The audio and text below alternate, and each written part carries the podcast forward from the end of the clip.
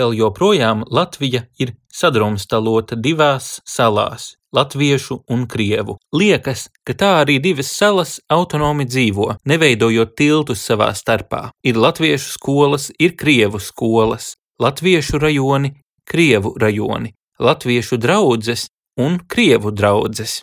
Kristietības uzskatā pasaule tiek labota caur mierpilnu un cieņpilnu attiecību atjaunošanu ar sevi, cilvēkiem, visu radību un dievu. Septembra sākumā festivāla Lampa ietvaros norisinājās Kristīgā mēdīja tuvumā LV rīkota diskusija Izlīgums kā ceļš no izstumšanas uz iekļaušanu. Saruna par sociālo izlīgumu starp šīm divām salām, divām kopienām, un par to, kā kļūt par izlīguma nesējiem. Ar jums kopā ir Augusts Kolums, un šis ir raidījums Savienots. Esi savienots ar mums, Radio Marija raidījumā Savienots. Raidījums sadarbībā ar Kristīgo portālu Tuvumā.CLV. Uzklausām, vērtējam, izpētām un iesakām. Trešdienās, pulksten piecos pēcpusdienā. Esi savienots!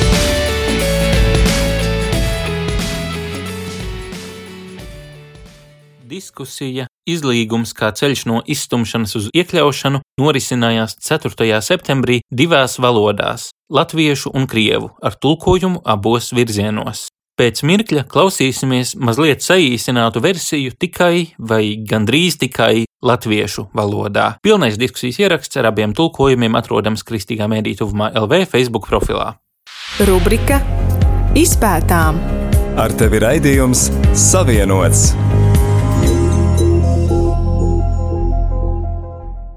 Labvakar, mīļie draugi, kas mūs klausās un skatās tieši saistē šobrīd, un arī tie, kuri vēlāk skatīsies ierakstu. Un mēs tiekamies festivālā Lampa. Šodien mēs runājam par izlīgumu kā ceļu no iztumšanas uz iekļaušanu. Mūsu saruna notiek krievu un latviešu valodā.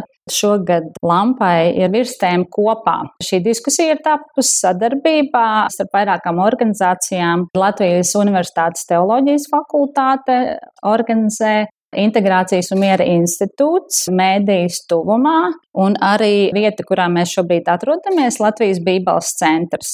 Ir iespējams uzdot jautājumus, jo kaut arī pirmo sarunas daļu mēs vairāk sarunāsimies par kādām lietām, kuras jau mēs varbūt gribētu runāt savā starpā, bet mums ļoti interesē jūsu domas, jūsu jautājumi, ko jūs variet iesūtīt šajā Facebook tiešsaistē.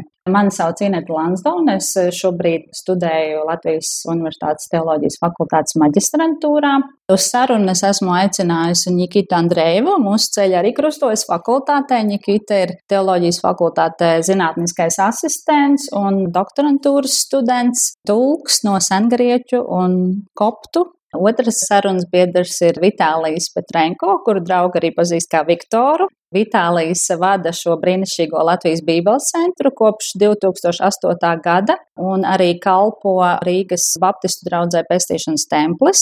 Un mūsu sarunu tulko šodien Veronika Martīno. Я переводчик Вероника Мартынова. Šeit mēs tiekamies trīs teologi, un mēs vēlamies arī vairāk pieskarties tieši kristīgās teoloģijas skatu punktam uz izlīgumu.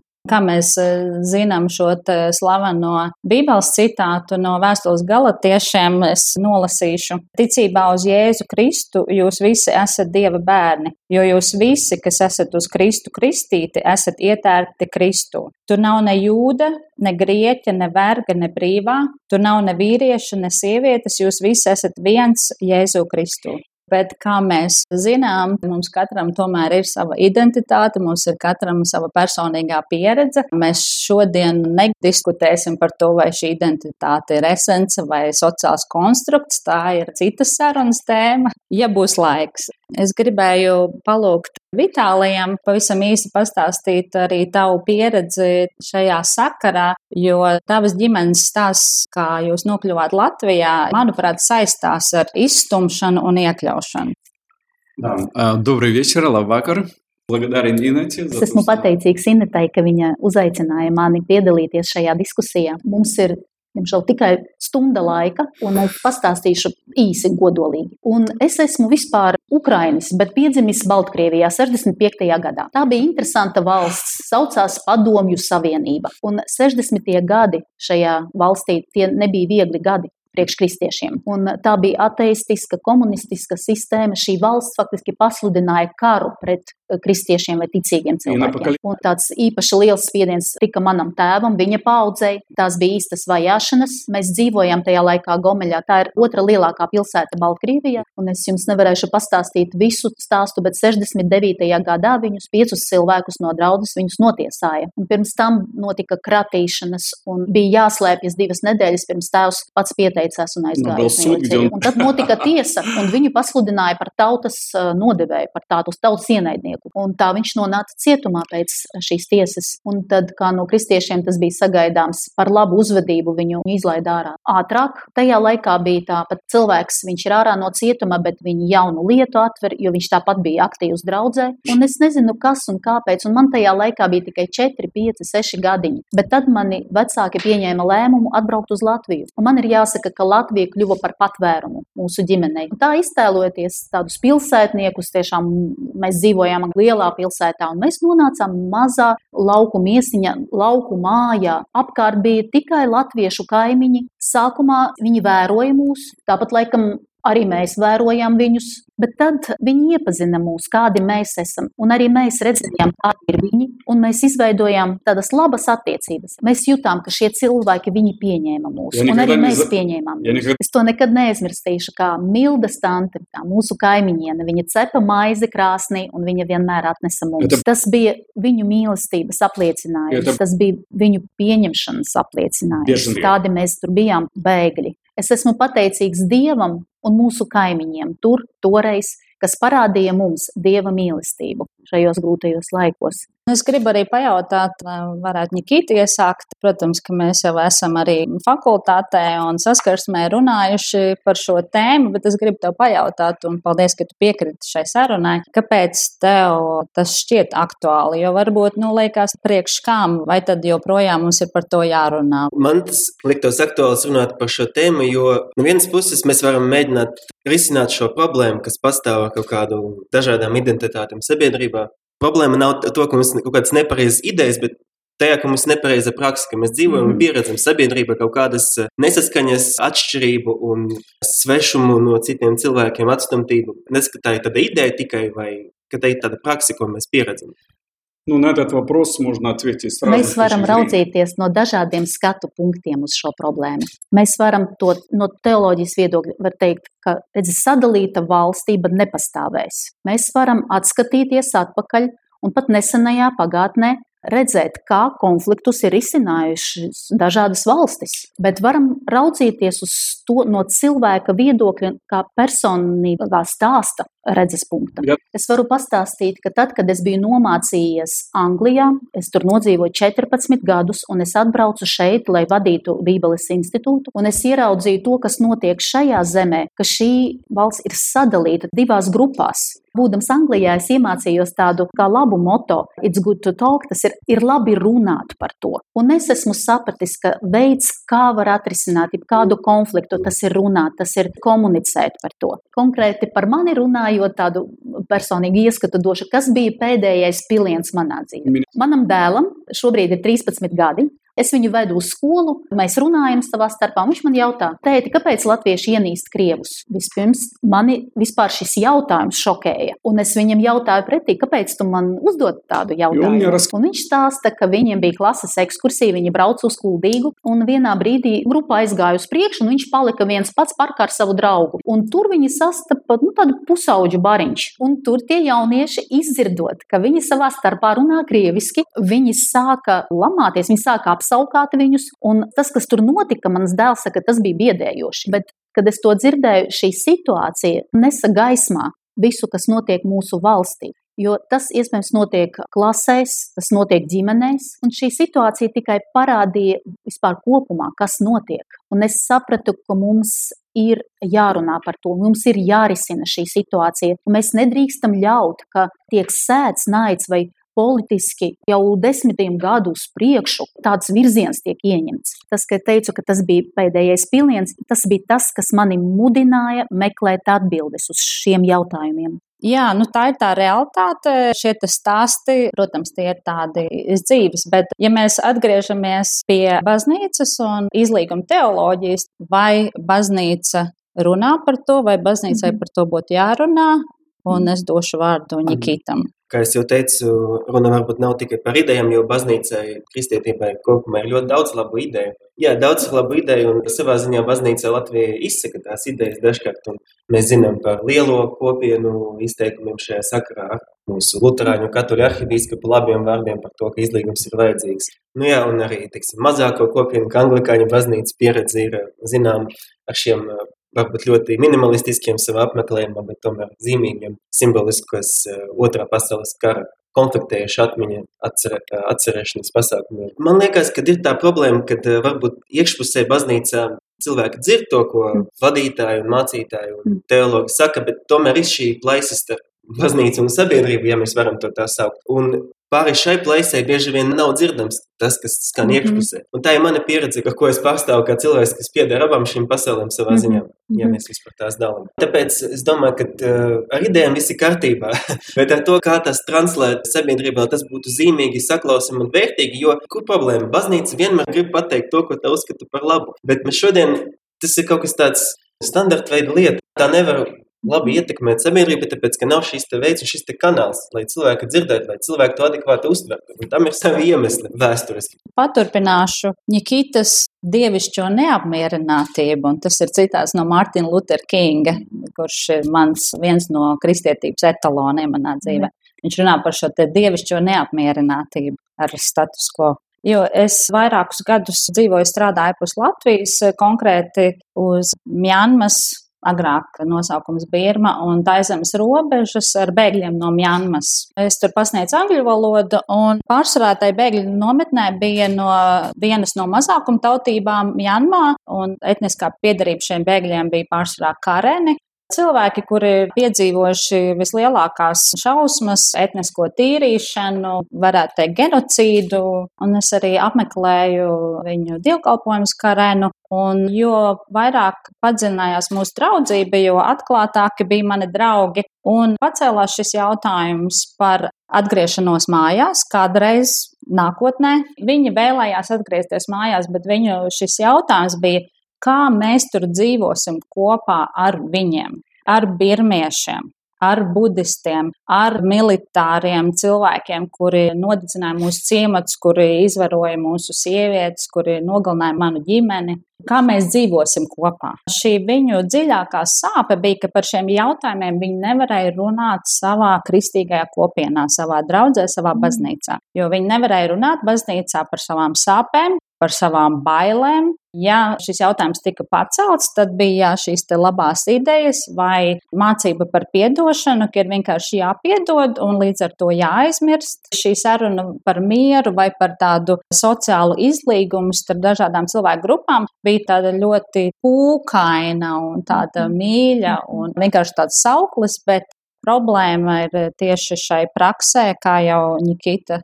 Es gribētu šo sarunu pievērst vienam no jautājumiem, kas ir izlīgumā, un šeit es gribētu izmantot horvātu teologa Miroslava Volfa pieeju izlīgumam. Un viņš runā par izlīguma elementiem, un tie būtu patiesība, jeb piemiņa, vai atcerēšanās, nožēla, piedošana, atjaunošana vai restitūcija, un tad iekļaušana, ja viņš lieto metaforu kā apskāvienu. Eh, un tie nav kā soļi, bet tie ir kā elementi, visi nepieciešamie elementi izlīguma procesā. Un es gribētu sarunu mazliet ievirzīt, runājot par vienu no izlīguma elementiem, un tā ir piemiņa.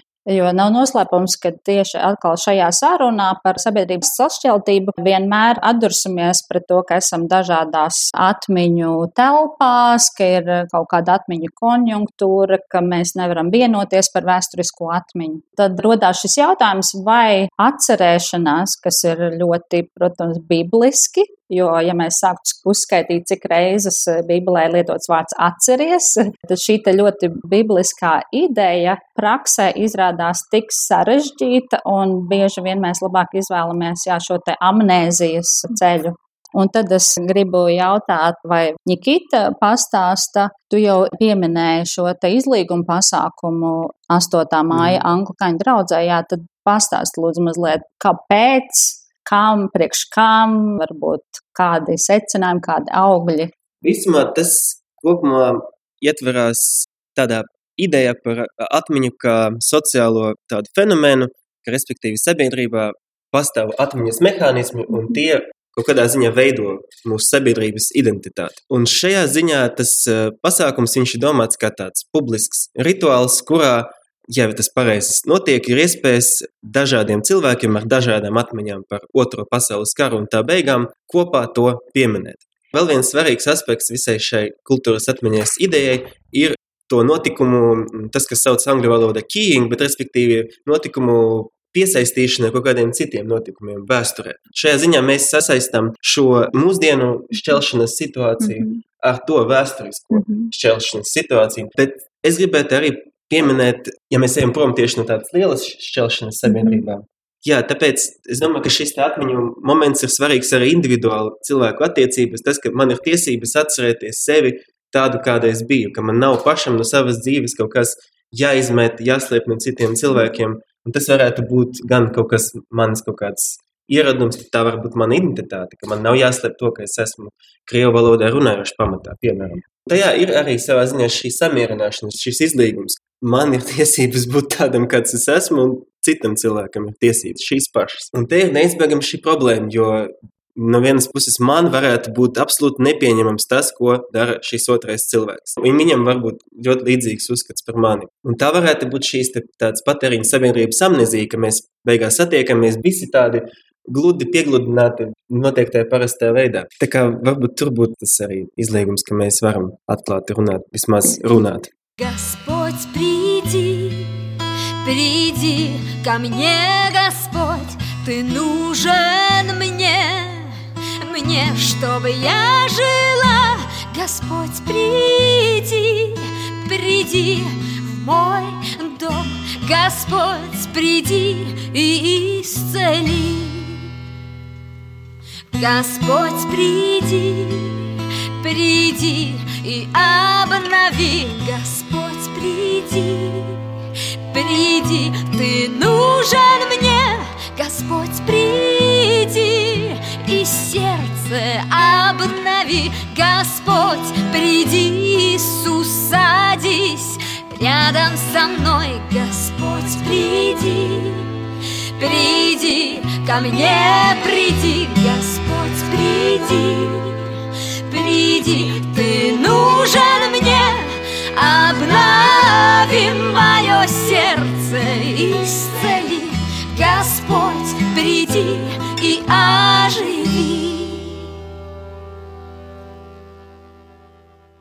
Es vēlētos, lai Vitālijas paturpina šo jautājumu tātad par piemiņu un vai tā būs vieno vai šķēļ. Un vai baznīcas institūts, kas tiešām, es teicu, ir nu, atmiņu un, un mhm. tradīciju mm -hmm. institūts, vai Latvijas kontekstā, tavuprāt, tiek galā ar šo izaicinājumu vai nē, vai, vai arī izvairās vai piegludinās, kā mhm. Nikita teica, mhm. vienkārši nu, tad, tā kā asimilēsim savus mhm. stāstus. Nu, Papildināšu to, ko Nikita teica. Viens no izlīguma elementiem ir vēlēšanās un ir spēja uzklausīt otru. Un no teoloģijas viedokļa raugoties, Bībelē ļoti bieži sastopams vārds ir atceries. Un arī Dievs atgādina Izrēlam viņa grēkus, bet tur ir viens, viena piebilde, viņš līdz noteikti kaut kādam brīdim brīdim viņš atgādina. Un tad, kad tiek nožēloti šie grēki, Dievs saka, es metīšu prom, es atmetīšu jūsu grēkus un nepieminēšu tos vairs. Un tā interpretējot vai pielietojot šo mūsu situācijai, ka mums ir jāatceras un ir lietas, kas mums ir jānožēlo un par kurām ir jālūdz piedošana. Un tad tas sāpīgais, tas, kas bija mūsu pagātnē, to mēs varam aizmest prom. Un tāpēc atmiņas, arī atmiņas par pagātni, tās var gan vienot cilvēku, gan arī viņus šķelt. Tad otra daļa Inetas jautājuma, kāds ir Latvijas draugu konteksts. Katra paudze sastopas ar saviem izaicinājumiem. Jā. Es pieminēju savu mammu, savu tēti, viņu paudzi. Tas bija izaicinājums, kurā viņi sastapās ar šo ateistisko, komunistisko sistēmu. Un šie izaicinājumi no mums prasa drosmi un tie ieprasīja nestandarta pieeju un, un arī uzvedību. Es teikšu, ka Latvijas kontekstā izlīguma tēma ir ļoti sarežģīta. Un tā nav nu, tāda politiski izdevīga. Mīļie draugi, arī mācītāji, ja jūs mani dzirdat šovakar, tas ir izaicinājums. Kuru mēs atrodam rakstos. Apostolis Pāvils, viens no kristietības apoloģētiem, cilvēks ar milzīgu sirdi. Viņš saka, ka mums ir uzticēts izlīdzināšanas vai izlīguma vārds. Viņš bija pravietiska balss. Un viņš rakstīja to laikā, kad ebreji jutās pārāk. Viņi skatījās no augšas uz grieķiem, un, un, un romieši bija pārāki pār visiem. Un te pēkšņi viņa vārdi, kas skan, ka Kristū nav ne jūda, ne grieķa, nav ne verga, ne brīvā, ne vīrieša, ne sievieša, bet Kristus ir visos un mēs Kristū. Un tātad Kristū un ideāli, ja tas būtu arī kristietībā, mums ir pamats Mums ir šī platforma, lai izlīdzinātos tikai ar Dievu, gūtu mieru, izlīgumu ar Dievu, bet arī vienam ar otru. Tas ir tas, ko es vēlos darīt un veltīt tam savu dzīvi. Un arī festivāla lampa devīze ir būt kopā. Un tas runā par to, ka mums ir jāturas kopā, mums ir jābūt vienotiem, būt labas gribas cilvēkiem, un būt tiem, kas iesāk, kas uzsāk dialogu, kas runā par šīm lietām, kas ir gatavi izrunāties un uzklausīt. Прощать друг друга, просить прощения. Ka mēs būtu gatavi piedot, būtu gatavi lūgt piedošanu un tad iet uz priekšu. Un es dziļi ticu, ka tādā atradīsim mēs brīvību gan sev personīgi, bet tas arī atnesīs dziedināšanu sabiedrībai kopumā. Klausoties, arī ieskatījos mūsu saziņā, ka ir ienākuši jautājumi, un ļoti labs jautājums ir ienācis no Andrieva Niedras. Mazliet pārfrāzējot, ja izlīgums un savstarpēji cieņa ir divpusējs pretīm nākšanas ceļš, kuram ir jāspēr pirmais solis vājākajam, kuram nav likumdošanas spējas, vai stiprākajam vai rezultātā neiznāks pakļaušanās vai paverdzināšana? Dzirdot šo jautājumu, uzreiz radās eh, pret jautājumu. Pret šo jautājumu kopumā par tādu vienu pozīciju, kas tur ļoti labi tika izteikta. Tā pozīcija ir, kas arī vienmēr šajā diskusijā ir tas, kas man šausmīgi liekas tāds liels trūkums, un kad uzreiz liekas, ka mēs runājam nu, pa tukšo ļoti stipri. Nu, sākot ar šīm divām, kaut kādas divas pozīcijas, viena, kas otru apspiež. Realitātē mūsu sabiedrībā, savā ziņā katrs indivīds drusku atšķiras ar savu svaru šajā sabiedrībā sabiedrībā. Tajā ziņā, ka nav tā, ka mums ir viena kaut kāda masa, kas apspiež citu masu. Daudz cilvēku šajā sabiedrībā piedzīvo kaut kādu vardarbību vai apspiešanu, tiesību trūkumu vairākos veidos, mm -hmm. kur ir mhm. svarīgs dzimums, etnicitāte, vecums, uzmaniet, kas vēl, mm -hmm. un tā joprojām seksuāla orientācija, valoda, ko lieto izcelsme, ādas krāsa. Ir tiešām šī problēma, ka Ok, šis ir svarīgs jautājums krieviem un latviešiem, ko mēs maļam kopš atnāca neatkarība. Bet manā dzīvē ir daudz piemēru, ka tu eksistē šajā sabiedrībā runājot latviešu valodā, komunicē ar cilvēkiem un, un nav nekāda problēma. Kaut kas notiek tāpat. Tāpēc kādā ziņā man šis jautājums varētu likties vispār neadekvāts, tāpēc, ka es to nepieredzu tīri burtiski. Mm. Piemēram, jums bija šī situācija ar jūsu bērnu, kuram uzmācās ekskursijas laikā. Piemēram, cits bērns varētu piedzīvot to pašu, bet bez šī valodas aspekta. Bet jautājums ir, vai tiešām šis jautājums ir par tik atšķirīgām pasaulēm, vai tas jautājums, ka mums principā sabiedrība ir šī problēma ar apspiešanu, vardarbību un to, ka nav tāda kultūra, kas paredz šo daudzveidību kopumā, nevis tikai Jā. šajā jautājumā. Jā, par šo aspektu, ko tu Nikita teici, ka ir šāds te dualisms, tā kā stiprie, vājie, upuri, pāridarītāji, piektā kolona, nezinu kāda kolona. Viņi mēs, savējie, svešie, un tas ir kaut kas tāds monolīts, Jā, bet atgriežoties pie baznīcas konteksta, atkal prātā nākot vai Mārtiņš Luters Kings un Amerikas konteksts, ka runāja par šo te svētdienas rītu, kā tur visvairāk segregēto stundu Amerikas sabiedrībā. Protams, mēs zinām, ka arī baznīca Latvijā dalās tomēr šajā te ir šī te etniskā nošķiršana mūsu baznīcā. Un tāpēc arī šīs tik sarežģītās dažādās identitātes var tikt arī, manuprāt, ielikts arī šajās te kastēs. Krievu draudzes, un tad eh, tie ir viņi, un ir latviešu draudzes, tie ir viņi. Jā, varbūt tev ir kāds komentārs par šo Viktāliju. Nu, nu Martinam Lutheram Kingam ir eh, ļoti spēcīga frāze, un to politiķi lieto. I have a dream.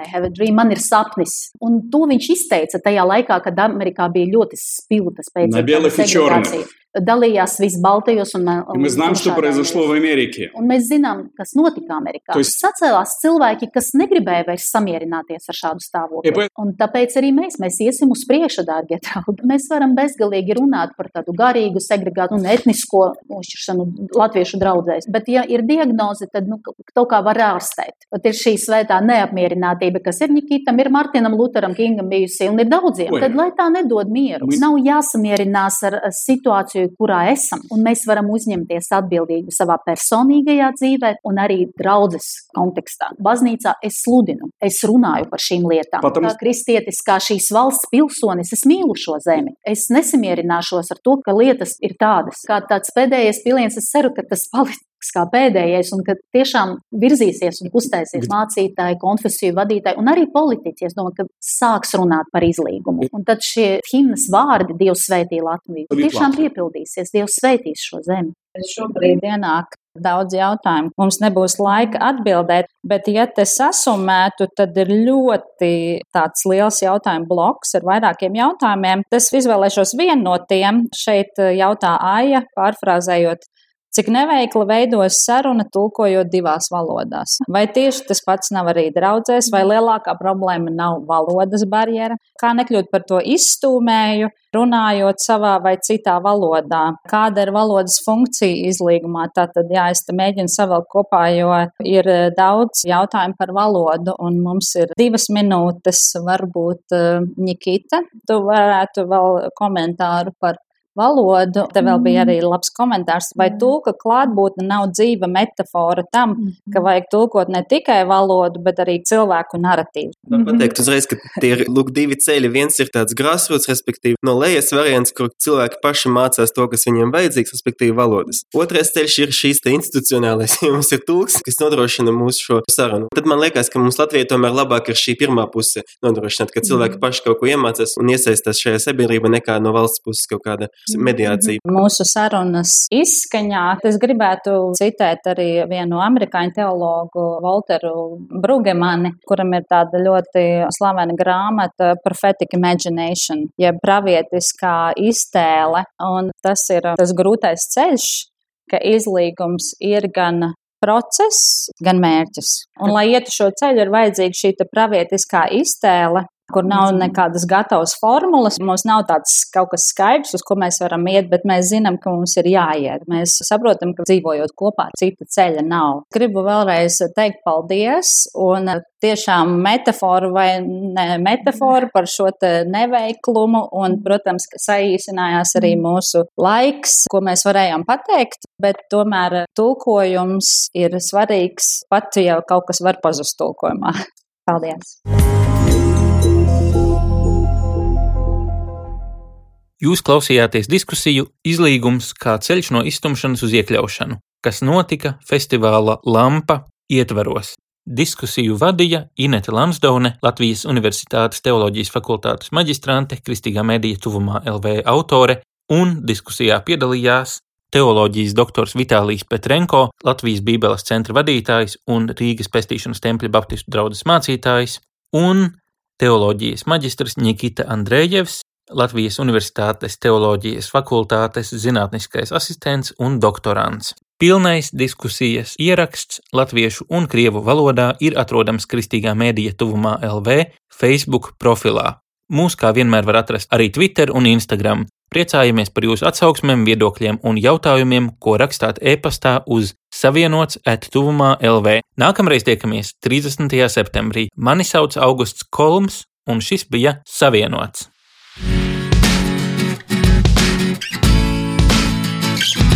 Tu klausījies raidījumu Savienots. Būsim atkal ēterā trešdien pulksten piecos pēcpusdienā. Klausies mūsu radio Marija un lasi kristīgo portālu tuvumā.lv. Esi savienots!